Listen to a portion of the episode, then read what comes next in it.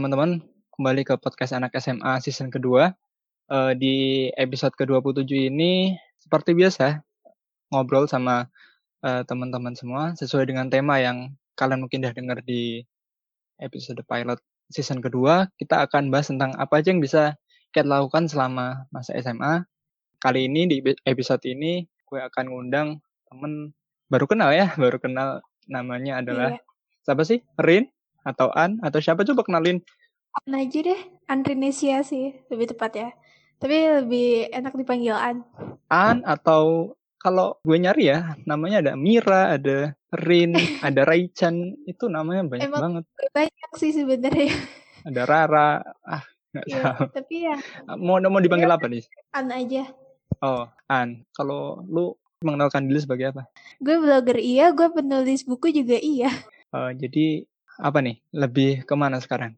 Kalau sekarang sih lebih fokus ke ngeblog sih. Hmm, hmm.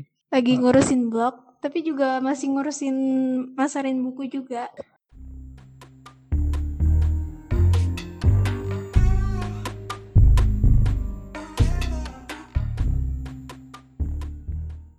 Mulai nulis kapan sih? Maksudnya mulai nulis tuh di Wattpad atau di sebelum di Wattpad juga udah mulai nulis? Sebelum Wattpad sih, gue nulis kelas 3 SD. Percaya gak? Gara-gara apa tuh kelas 3 kok kepikiran buat nulis? Jadi tuh dulu gue sempat suka kartun ya. Adalah kartun dari Prancis. Nah itu tuh kayak menarik banget buat ditulis. Ya udah gue bikin kayak skripnya doang gitu. Iseng-iseng bikin skrip.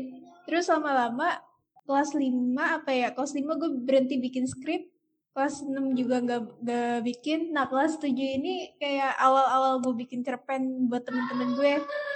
Kebetulan waktu itu tuh temen-temen gue tuh pada request ke gue an bikin cerita dong tokohnya gue ya gitu-gitu. Oh. Nah, gitu soalnya kan kalau kemarin aku aku baca-baca tulisannya ternyata itu kalau ada yang komen tuh beneran ini tulisannya uh, ceritanya beneran? Gue sangka cerita dari sekitaran atau bahkan yang lu rasakan sendiri kan cerita yang di iya, gitu iya rata-rata begitu sih kalau gue yang nulis. Terus gue mulai nulis novel tuh kelas 8 SMP wow kelas 8 iya. Yang mana dulu sih? yang pertama itu sebenarnya uh, buku pertama ada di Wattpad The Scholarship Diary The Front Pack itu pertama kali dan itu ada di unpublished semua karena gue malu. oh iya. Tapi yang kedua masih ada yang yang uh, season 2 apa part 2 itu masih ada kayaknya. Iya, season 2 masih ada The Movement. Benar, benar kalau ditarik lagi asumsi gue uh, anak kelas 3 nulis itu kan nggak biasa. Maksudnya yeah. ada background apa di balik itu? Sering lihat buku atau sering baca buku dari uh, kecil banget atau gimana? Sebenarnya kalau misalkan belajar baca itu gue kalau nggak salah udah dari umur tiga tahun apa? Itu udah udah kenal sama baca gue. Sama buku apa sama huruf? Sama huruf. Kalau sama buku kelas eh bukan lima tahun. Lima tahun itu gue udah kenal buku Wow, aku aja kenal huruf 7 tahun, 6 tahun. Pas baru masuk SD ada tesnya baru belajar. Berarti iya. cepat ya, maksudnya kenal buku umur 5 tahun. Iya. Terus aku lihat tuh referensinya yang kamu baca kok di luar dari yang aku tahu. aku baca buku-buku Indo doang, Indonesia, mungkin buku-buku terjemahan doang. Buku pertama yang dibaca apa? Aduh, udah lupa kayaknya, udah lama banget. Baca buku buku kayak KKPK, baca nggak sih? Uh, kalau KKPK dulu gue sempet baca. Tapi KKPK kalau nggak salah gue waktu SMP deh baru baca. KKPK padahal ngehits pas SD ya, pas 2000 Iya, berapa ya? pas SD tuh ngehits. Cuma gue nggak baca. Soalnya di apa di sekolah gue dulu itu belum ada KKPK. Itu ya, apa ya? Barang pinjamannya bukan KKPK berarti ya? Iya, bukan. Biasanya kan pinjamannya bener gak sih kalau di sini ya? Yang suka buku itu mungkin ya orang-orang yang nggak nggak terkenal gitu di di pojok-pojokan gitu. Maksudnya dikit udah dikit di pojokan bener gak sih di sana stereotip orang yang suka buku gitu? Hmm, apa banyak? juga sih lumayan banyak sih kalau misalkan sekarang ya. Sekarang sekarang tuh lumayan banyak tapi kalau dulu kayak jarang. Kalau tahun-tahun gue SD kalau gue itu lebih suka baca daripada suka buku. Paham gak sih? Maksudnya suka uh, untuk iya. baca kayak artikel atau caption atau yang lainnya daripada buku. Lu gimana? Suka baca apa suka buku? Lebih suka mana? Dua-duanya sih. gimana ya? Gue juga bingung sama diri gue sendiri kalau misalkan disuruh milih buku sama itu. Soalnya kalau dari tahun ini buku yang gue baca dikit tapi yang sesuatu yang gue baca tuh banyak kalau misalkan caption atau Twitter yang dibaca tuh banyak daripada buku ya. Jadi mungkin Iya sih. aku lebih suka baca daripada suka buku. Ya mungkin berubah ya. Iya. Berarti eh, menurut lu stereotip eh, apa orang Indonesia yang rendah literasinya gimana? Sebenarnya yang rendah itu kemampuan baca apa kemampuan baca buku? Kemauan baca buku sih. Iya. Meskipun eh, penjualan buku tuh akhir-akhir ini kan nanjak ya. Ah iya, Tapi ah. enggak tapi nggak sebanding sama yang bener-bener dibaca gitu. kemarin tuh ada buku yang lu mention tuh tapi aku nggak nggak sempet nyari apa ya bukunya yang pas postingan baru kemarin dua hari lalu yang di perpus Oh, ya bukunya Miss Niket. iya Ya. apa sih Jadi itu kayak kemalangan dari awal sampai akhir buku itu isinya kemalangan Baudelaire Orphan semua. genrenya apa ya kalau kemarin gitu Kayak adventure gitu, tapi misteri Oh. juga. Itu Dan i- itu seru. in English Yes. waduh gua buku Inggris yang selesai baru satu Tapi yang lainnya buku dari eh, Gimana? bukunya Lemony Snicket itu ada yang udah diterjemahin deh. Di Shopee banyak. kalau gue ya gue kan pernah magang di penerbit juga tapi penerbit yang non fiksi nih Nah, lebih ke non fiksi Eh, ya gue lebih suka baca yang non fiksi daripada yang fiksi nggak tahu kenapa nah sekarang lagi membiasakan ini makanya lagi eh, banyak banyak nyari referensi nah tadi kayak eh, gayanya Lemony Snicket tuh kayak gimana maksudnya Kalau dia Lemony orang mana maksudnya dia membawa cerita dari mana gitu Kalau Lemony Snicket itu dia kayak dari Inggris. Mm-mm. Kalau di apa ya di di seriesnya itu yang Unfortunate Events Hmm. itu dari Inggris. Nah dia tuh ciri khasnya tuh ada ngusir pembaca di setiap bukunya. Jadi kayak di tiap kan ada 13 seri tuh. Nah 13 13-nya tuh di awal pokoknya disuruh berhenti untuk membaca. Tapi kita sebagai pembaca juga makin curious dong sama apa makin penasaran sama isi bukunya tuh apa sih itu bentar bentar 13 itu satu satu cerita itu menceritakan sama Baudelaire eh, tentang Baudelaire Orphans yang ditinggal sama orang tuanya gara-gara kebakaran rumah Hah? keluarga Baudelaire. Nah, itu dibuat sampai 13 buku wow dan tiap serinya seru. Oh, gue tuh pengen ya, tapi kayak nggak nggak kelar-kelar. Soalnya gini, gue tuh terkena apa di lingkungan tuh ada yang gini prinsipnya, baca buku tapi jangan diselesain sekali duduk gitu loh. Mungkin buku-buku, eh, mungkin novel juga ya. Ada yang cuma dibaca setengah, terus tinggal yang lain. Mungkin nggak sampai setengah dari novel yang lain itu selesai dengan spoiler. Atau Iya. kalau kalau gampang yang lebih ekstrim lagi kayak non fiksi gitu loh. Misalkan baca buku marketing gitu. Paling baca beberapa dulu. Soalnya kan kalau menurut gue ya, beberapa buku tuh emang nggak di nggak didesain untuk dibaca sekali habis gitu. Bener gak sih? Iya, iya bener, Ada bener buku-buku banget. yang Pokoknya eh, bacanya tuh jangan kayak cepet-cepet banget gitu ya.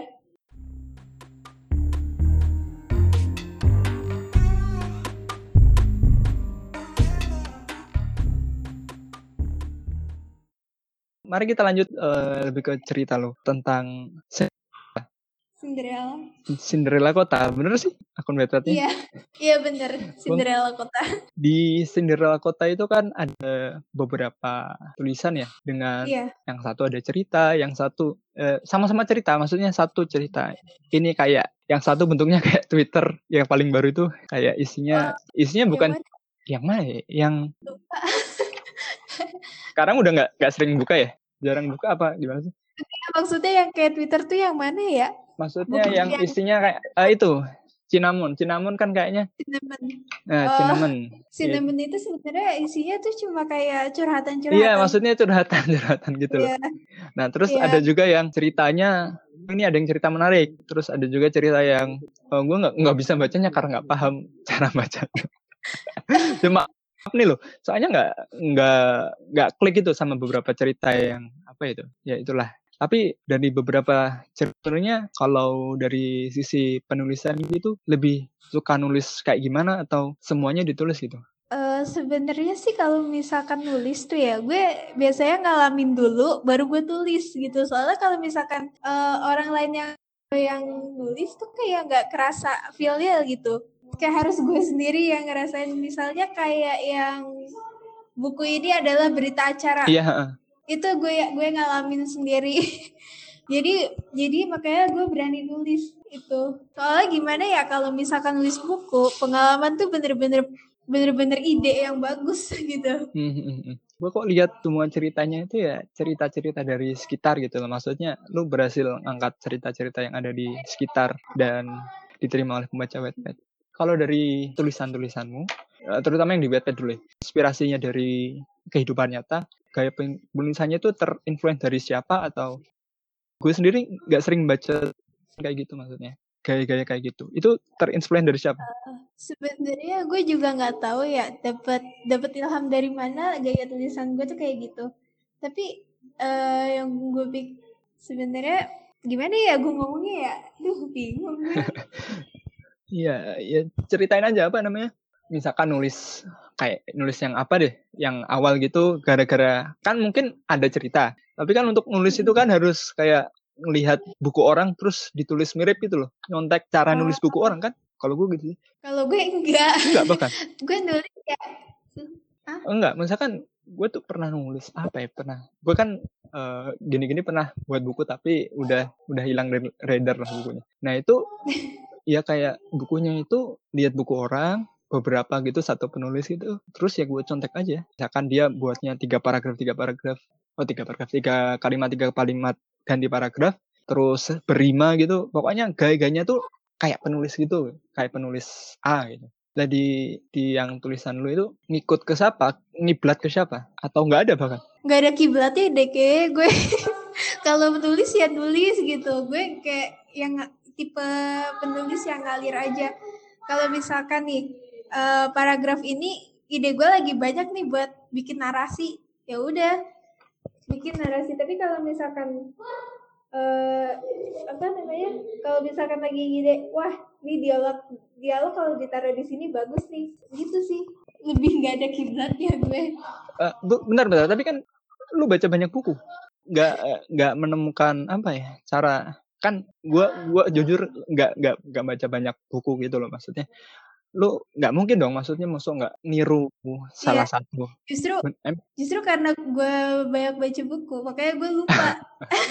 Oh iya oke okay, oke okay. paham. Paham jadi malah nggak nggak tahu. Iya saking banyaknya kiblat yang di saking banyaknya referensi nggak tahu ini ngambil dari mana gitu ya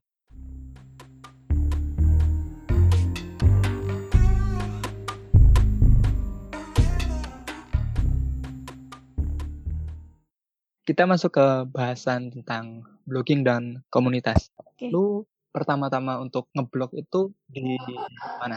Di blog pribadi atau masuk ke Kompasiana dan yang lain-lain? Blog pribadi sih. Uh, Gue lebih ke blog pribadi sih. Uh, pertama di blog pribadi. Yeah. Itu jangka waktunya dari misalkan nulis webpad ke pindah ke blog pribadi itu agak lama kan atau gimana? Uh, lumayan lama sih ya.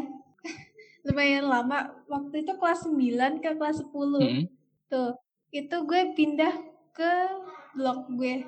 Waktu itu My Chan. Oke. Terus sekarang udah jadi Renesia Treats itu. Itu awalnya ya gimana ya? Gue masuk SMA. Hmm? Awalnya tuh gue masuk SMA. Terus bulan September apa kalau nggak salah itu lagi UTS apa? Hmm? Nah di situ gue bikin blog. Malah pas lagi UTS. Iya. Soalnya kan aku belum uh, belum nemu blognya ya, belum bisa Uh, emang lagi iya. belum aku perpanjang sih, emang sengaja. Ya maksudnya uh, domain-domain yang blogspot juga belum ketemu, belum bisa baca. Yeah. Uh -uh. Nah, terus kemudian dari punya blog sendiri, terus bisa gabung ke komunitas blogger Jakarta, mana ceritanya? Anak SMA Jakarta yang masuk ke komunitas blog yang nggak tahu isinya apa. Isinya banyak anak SMA-nya atau banyak mahasiswanya kan nggak tahu. Uh, justru anak SMA tuh waktu itu jarang. Aku malah paling muda. Oh iya. Berarti masuk masuk oh lihat komunitas blog terus masuk gitu atau gimana sih? Jadi waktu itu gue masih blogspot.com kan eh iya masih huh? miraprahadu.blogspot.com Nah itu gue pengen belajar lagi kan gue nggak bisa dong belajar sendiri di sekolah gue juga nggak ada nggak ada komunitas blognya kan. Mm -hmm. Ya udahlah gue nyari keluar ketemulah satu komunitas namanya komunitas blogger Jakarta. Gue gabung komunitas itu pas uas eh uas apa UKK ya lupa. Itu kelas 10 juga.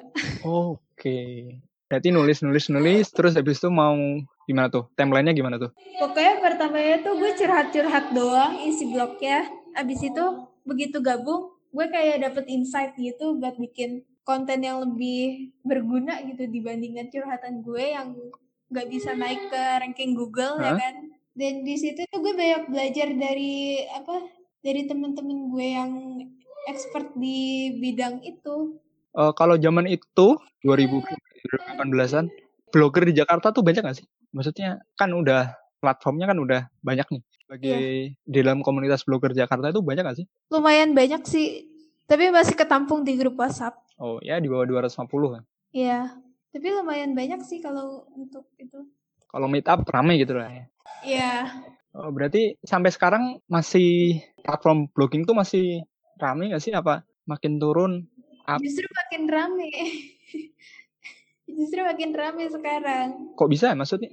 Soalnya siapa pun sekarang bisa ngeblok kan. Makanya itu orang-orang juga makin tertarik untuk ngeblok. Selain itu ngeblok juga jadi kayak apa ya income gitu loh. Banyak event dari dari ngeblok itu bisa jadi keuntungan buat kita sebagai blogger.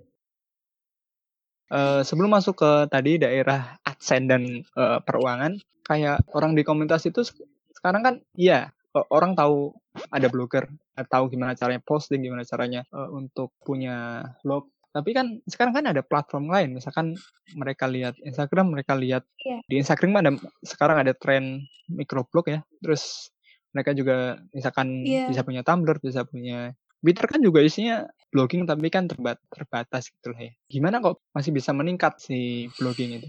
Eh, sebenarnya sih kita sebagai blogger juga pu- harus punya pendampingnya itu loh kayak Instagram, Twitter dan blog itu kadang suka jadi apa salah satu syarat yang emang dibutuhin gitu. Misalkan nih eh, eh, harga satu blog post sama harga satu post satu Instagram kan beda harganya sama Instagram itu orang juga punya orientasi bikin blog juga.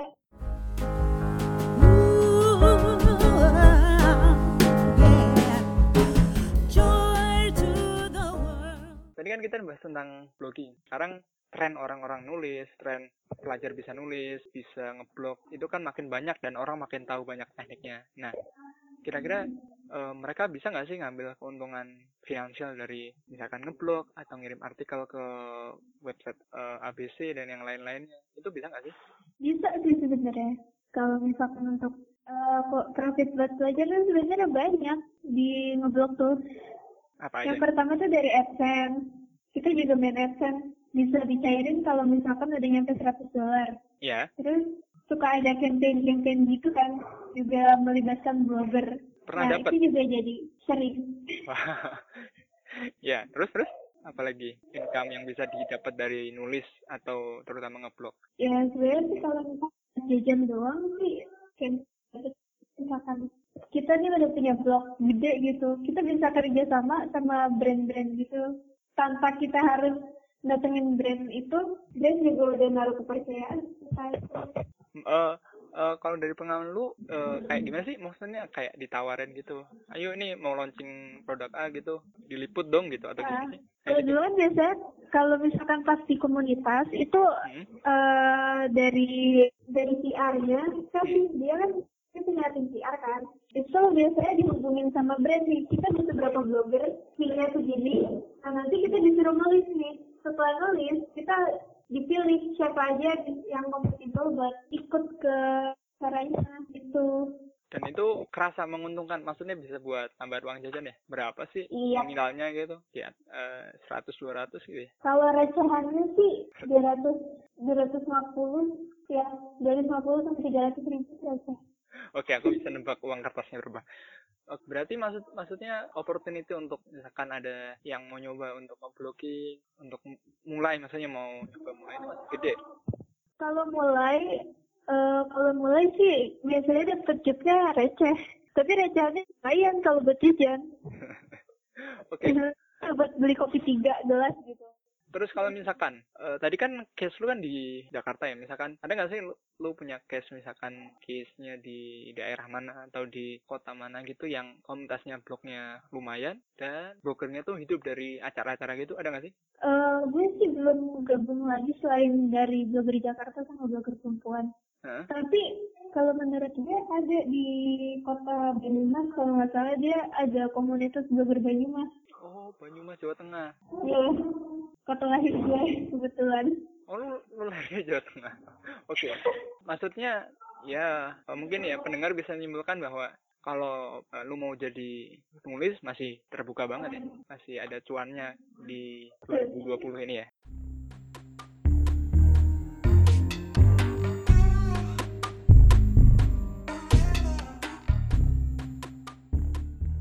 Balik lagi ke buku tadi. Lu kan sekarang udah punya publikasi buku nih. Iya, Eh, itu cara penerbitannya secara indie atau secara digital atau secara gimana buku? eh, indie sih. Gue nerbitin secara indie tahun lalu. Eh, prosesnya atau apanya ya kan? Eh, lu datang ke penerbit gimana gitu? Bisa ceritain nggak eh, proses lu nerbitin hujan tanpa eh hujan kala terik? Eh, kalau itu sih gue nerbitin kayak gue cuma naskah di bitread.it terus gue tinggal nunggu nih. Kurang lebih waktu itu gue nunggunya tiga bulan apa ya? Hmm. baru gue dihubungin di sore waktu itu ada kayak disuruh revisi kan. Ya udah revisinya tiga bulan juga kalau nggak salah. Di situ disuruh tanda tangan kontrak penerbitan. Di situ buku buku terbit. Berarti ada platform yang bisa buat gimana sih itu? Maksudnya penerbitan mayor kah atau penerbitan apa? Tadi? indie. Indie. iya indie.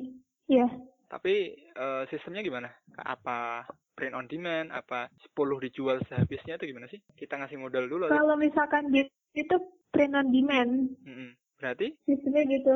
Jadi kalau misalkan kita ada, misalkan eh, ada yang mau beli nih, ada 10 orang, ya udah 10 orang dia apa beli ke webnya dia gitu. Oh, berarti ibarat kata naskah naskah lu udah udah dijual ke sana ya? Hak Iya. cetaknya ya? Oke, Iya. menarik menarik. Ada ada sistem kayak gitu. Soalnya gue gue sekali lagi gue tuh nggak nggak tahu kayak gitu kayak gitu. Jadi pas dulu nerbitin ya ke percetakan sendiri, terus lewat sendiri dan yang lain-lain. Oh, itu self publish ya? Oh iya, itu self publish ya. Itu self Iya. publish. Pernah? Eh, nggak pernah sih. ya, Belum nyobain gitu. Tapi gue banyak Oh, yang self publish.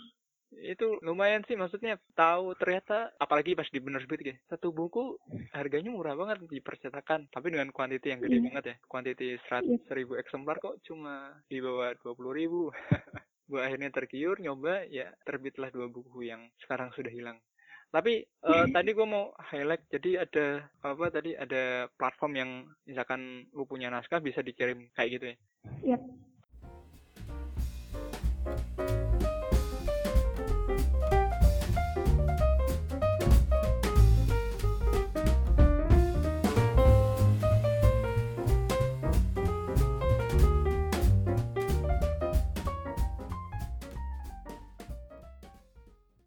Tadi kan lu bilang eh, nulis nih di SMP SMA nah mungkin Iya. gue bisa nilai ya sebagai orang yang lihat blog tulisannya itu lumayan banyak. Banyak sih banyak. Ini banyak. Terus habis itu lu punya kegiatan volunteering kegiatan yang lain-lain tuh banyak. Nah mungkin Iya. kita ceritain apa apa eh, sebagai eh, anak SMA apa yang lu lakukan di SMA ya apa yang lu lakukan selain di kelas gitu? Atau lu di kelas aja? Atau gimana ceritain Justru gue anak yang tipe anak yang jarang di kelas, cabut mulu gitu. Kebetulan di pramuka juga gue megang divisinya sekretaris selama dua tahun. Kalau dua kali dua periode. Jadi pas kelas 10 tuh gue masih pas masuk kelas 10 itu gue langsung ditarik jadi sekretaris karena emang organisasinya baru hidup lagi. Terus kelas 11 juga jadi sekretaris lagi karena udah pengalaman di situ. Itu di eh, pramuka sekolah ya? Iya, oh iya berarti pramuka sekolah. masih di sekolah. Terus habis itu naik lagi nggak sih? Iya, gue gue ke Saka Pariwisata, Jakarta Selatan. oke pertama tuh di pramuka tuh satu. Berarti ya sering kabur lah ya. Iya. terus habis itu apalagi nih? Lu bisa kabur di, dari sekolah gara-gara apa? Eh, sebenarnya sih kalau kabur cuma gara-gara olimpiade, pelatihan, pramuka udah gitu doang kalau di sekolah. Cuma kalau misalkan kayak event gitu ya volunteer volunteer nggak pernah nyampe sampai di sekolah Oh itu weekend ya? Atau pulang sekolah gitu ya? ya kadang pulang sekolah kadang pas hari libur Coba sentuh volunteernya. Eh gue kan juga gue megang satu divisi gitu lah. Kalau di volunteering yang relawan mulai kebaikan itu eh, sebagai apa? uh, di situ gue jadi tim humas iya Itu apa sih maksudnya eh, kegiatan kayak apa? Terus resultnya dan tujuannya apa gitu di mulai kebaikan? Kalau relawan mulai kebaikan itu sebenarnya itu waktu tsunami saat Sunda tahun lalu masih ingat kan? Nah di situ lima komunitas termasuk komunitas gue Hah? itu ngadain galang dana. Oh. Jadi kayak bergabung bikin acara. Pokoknya kita pengen eh, ngebantu saudara-saudara kita yang kena bencana Selat Sunda gitu. Oke. Dan di situ gue masih yang, jadi yang termuda. Dan kebetulan itu juga megang masih jadi pengurus blogger Jakarta paling muda juga. Wow, mungkin itu eh, re- relawannya ya eh, apa namanya range-nya range orang-orang udah kuliahan gitu ya. Iya. Oke, itu yang di relawan. Relawan tuh usia berapa maksudnya kelas berapa? Kelas 12-an gitu. Kelas 11. Kelas 11. Iya. Terus nih ada yang menarik nih, ada Sign Day. World Sign Day itu kelas berapa itu? World Science Day itu kelas 11 menit ah 12 gitu kayak Heeh. pas bulan April atau Mei gitu itu awalnya secret volunteer Hmm? eh gue gak bisa ngomong jadi yang paling muda lagi karena emang teman-teman gue rata-rata anak SMA. Oh iya.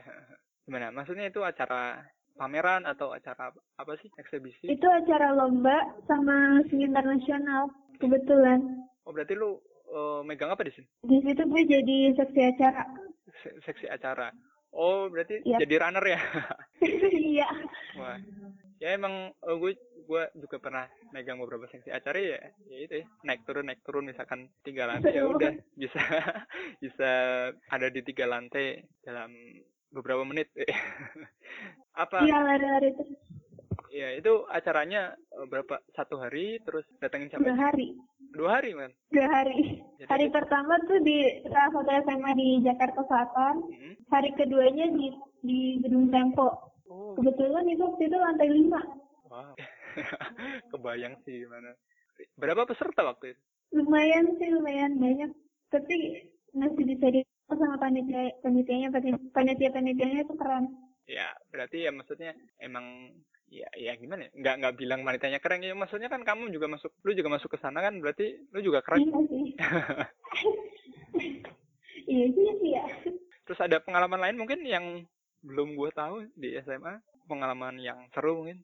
Serunya tuh pas gue SD itu gue hampir eh, semua divisi gue ambil. Waktu apa? Waktu buat nge-cover World Science Day.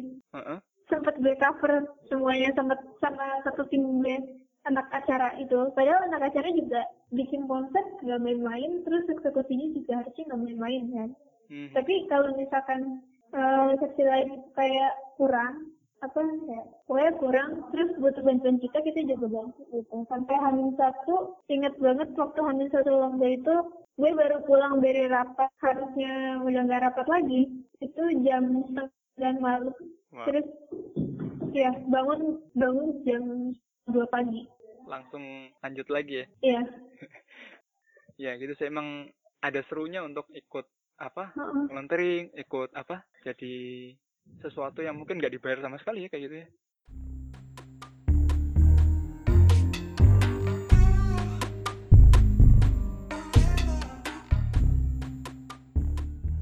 lu pernah nulis di mana gitu ya? Lu pernah jadi tour guide. Bisa cerita nggak sih tour guide di mana? Terus apa sih tour guide tour guide? Ah, iya waktu itu gue pernah jadi tour planner sama Oh tour plan. tour guide dari temen-temen gue. Jadi waktu itu tuh ceritanya eh kakak gue nih pengen ngajakin jalan, ngajakin jalan kan. Ya udah. Eh di situ gue tugas kayak bikin ini gue mau ini kita mau ke mana aja gitu.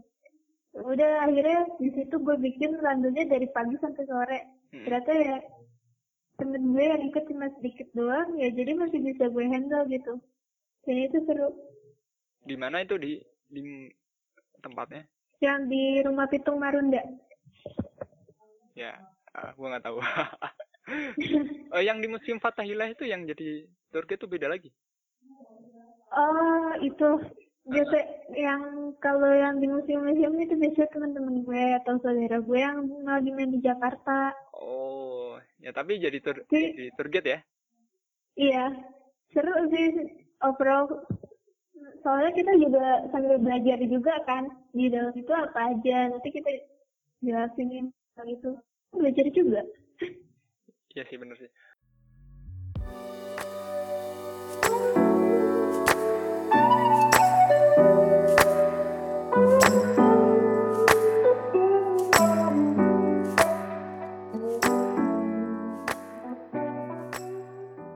Akan bahas tentang eh, ambis kuliah dan cita-cita gitu.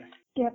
Sebenarnya lo itu lebih ke HI, lebih ke eh, statistika, STIS atau lebih ke PTKIN? Maksudnya lebih ke mana sih? Mungkin bisa di, diceritain misalkan cita-citanya apa, terus gimana lah? Lo bisa cerita tentang itu hal itu. Eh, sebenarnya sih cita-cita gue tuh nggak setinggi orang kepengen jadi diplomat tuh enggak. Heeh. Tapi gue pengen jadi staf ekonomi politik di KJRI Frankfurt. Masih itu ya, masih masih cita-cita yang itu. Terus maksudnya kenapa kok bisa kepikiran se, se maksudnya sespesifik itu mau jadi staff, staff yang ekonomi dan politik dan di Jerman. Karena gimana ya, eh menurut gue negara Jerman itu unik. Dia ras, mereka nganggap ras, mereka tuh ras paling unggul gitu di Iya. dunia. Terus kenapa ekonomi politik? Soalnya dulu waktu SMA gue tuh ikut ikutan ekonomi. Dan gue tuh nggak mau pure ekonomi orangnya. Kepengen ekonomi tapi nggak mau bener-bener kerja ekonomi itu enggak. Mm-mm. Ya makanya gue pengen belajar politik juga. Karena kan kalau misalkan kita nih jadi blogger, kita nggak boleh eh, apa kayak ada kode etiknya gitu loh nggak nggak boleh berpihak sama salah, salah satu calon gitu kalau misalnya politik misalnya sudah netral kan Itu ya, media mas apa ya Eh, terus habis itu untuk berangkat menuju cita-cita yang tadi, museum yang tadi itu lebih dekat ke international relationship ya. Oh, mungkin udah dijelasin panjang lebar di blog. Kenapa bisa ber- berpindah-pindah dari tadi itu kan? Gue juga sempat baca tadi kan apa di blog itu awalnya sempat yang lain. Terus kenapa sekarang Iya. tiba-tiba ke IR? tadinya gue mau ke aktuaria kan karena Iya. aktuaria itu nerimanya IPA dan gue nih anak IPS nih nggak boleh gue Pak jangan ngadi-ngadi gitu kalau kata orang mah ya udah Aktuaria kan IPA. tahun ini juga IPA. as- aslinya IPS tapi pengen ke IPA aktuaria Aktuarianya itu IPA, bukan IPS. aktuaria IPA Oh. aktuaria IPA Terus habis itu karena berarti kayak kendala jurusan nggak bisa masuk ke sana. Iya. jadi Nyari yang lain. Iya, dan kebetulan gue tuh anaknya suka debat, suka berpendapat, terus suka ekonomi juga, pengen belajar politik, ya udah. Jadi gue mendingan masuk ke IR aja deh. Kan ini juga kayak masih relate lah sama gue. Terus gue juga kepengen S2 di Jerman. Hmm, hmm. Universitasnya Ya, atau itu kan- apanya gitu? Jurusannya udah nemu? Iya. Akhirnya gue menemukan IR itu. Enggak S2-nya, S2-nya. Mau di Jerman nggak? nggak- S2-nya gue mungkin ngambilnya aktuaria. Oke, ya masih nyambung lah sama ekonomi yang tadi. Iya.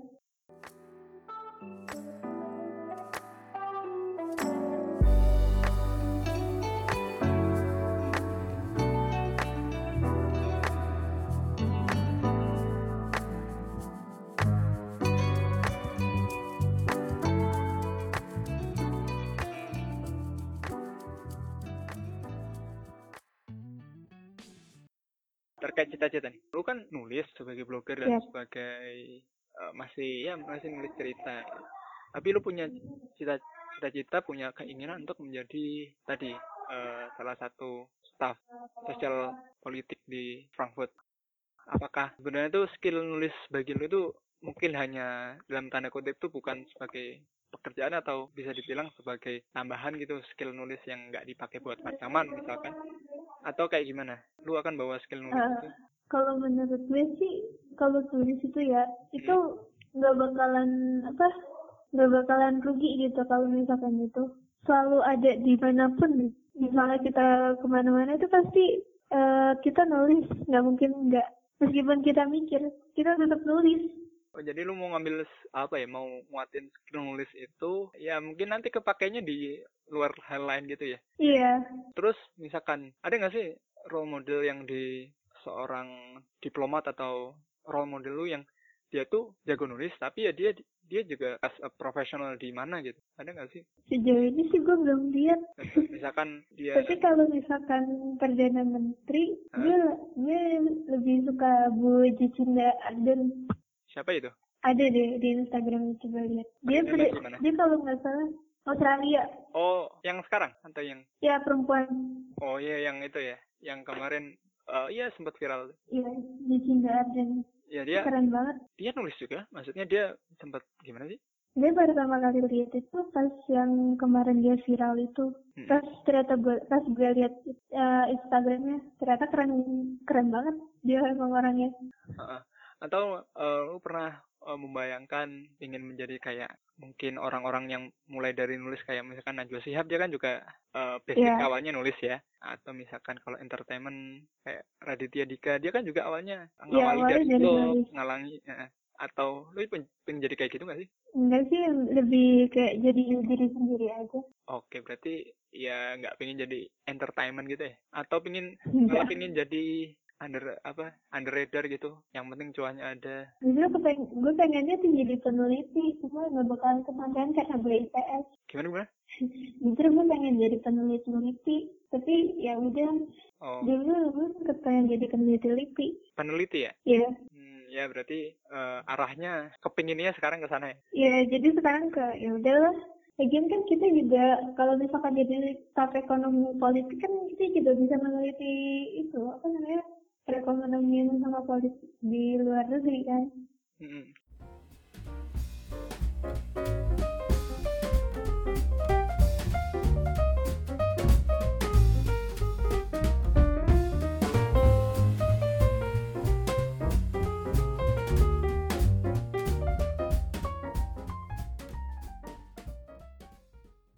Mungkin yang terakhir ada hal yang ingin utamain nggak eh, di akhir ini? Buat teman-teman SMA ya. Iya. Ah, kalau buat teman-teman SMA, pokoknya jangan cuma di sekolah. Dunia luar tuh luas banget dan perlu banget dieksplor. Kalau udah dieksplor dunia luar, eh, misalnya kayak ikut volunteer di luar, gitu-gitu tuh udah udah seru banget kehidupan SMA. Kalau di masa pandemi gini, lu ada kayak nasihat atau ada apa gitu maka orang-orang sekarang kan Kalau rumah keluar pakai masker. bukan bukan Kalau keluar iya, pakai masker. ya maksudnya peluang untuk ngejar apa ya opportunity yang selain di dari buku dari pelajaran itu kan semakin terbuka Sekarang webinar tuh banyak yang free. Jadi ikutin aja kayak course gitu kan lumayan sertifikatnya tuh buat apa buat kerja dipakai. Ah, oke berarti Terus eh, kalau misalkan volunteer bisa kok volunteer online sekarang banyak juga opportunity buat volunteer online. banyak ya kayak Ya, bisa nyebutin satu atau dua nama gitu kalau gue sih biasanya gue melihat volunteer volunteer gitu di ID volunteering ya. Oke ya itu masih Kebetulan gue juga masih di komunitasnya Jakarta. oh, ya masih masih buka volunteering secara online itu masih buka ya mereka ya Ada banyak volunteer eh, ke volunteer di sana kok kayak acara-acara gitu.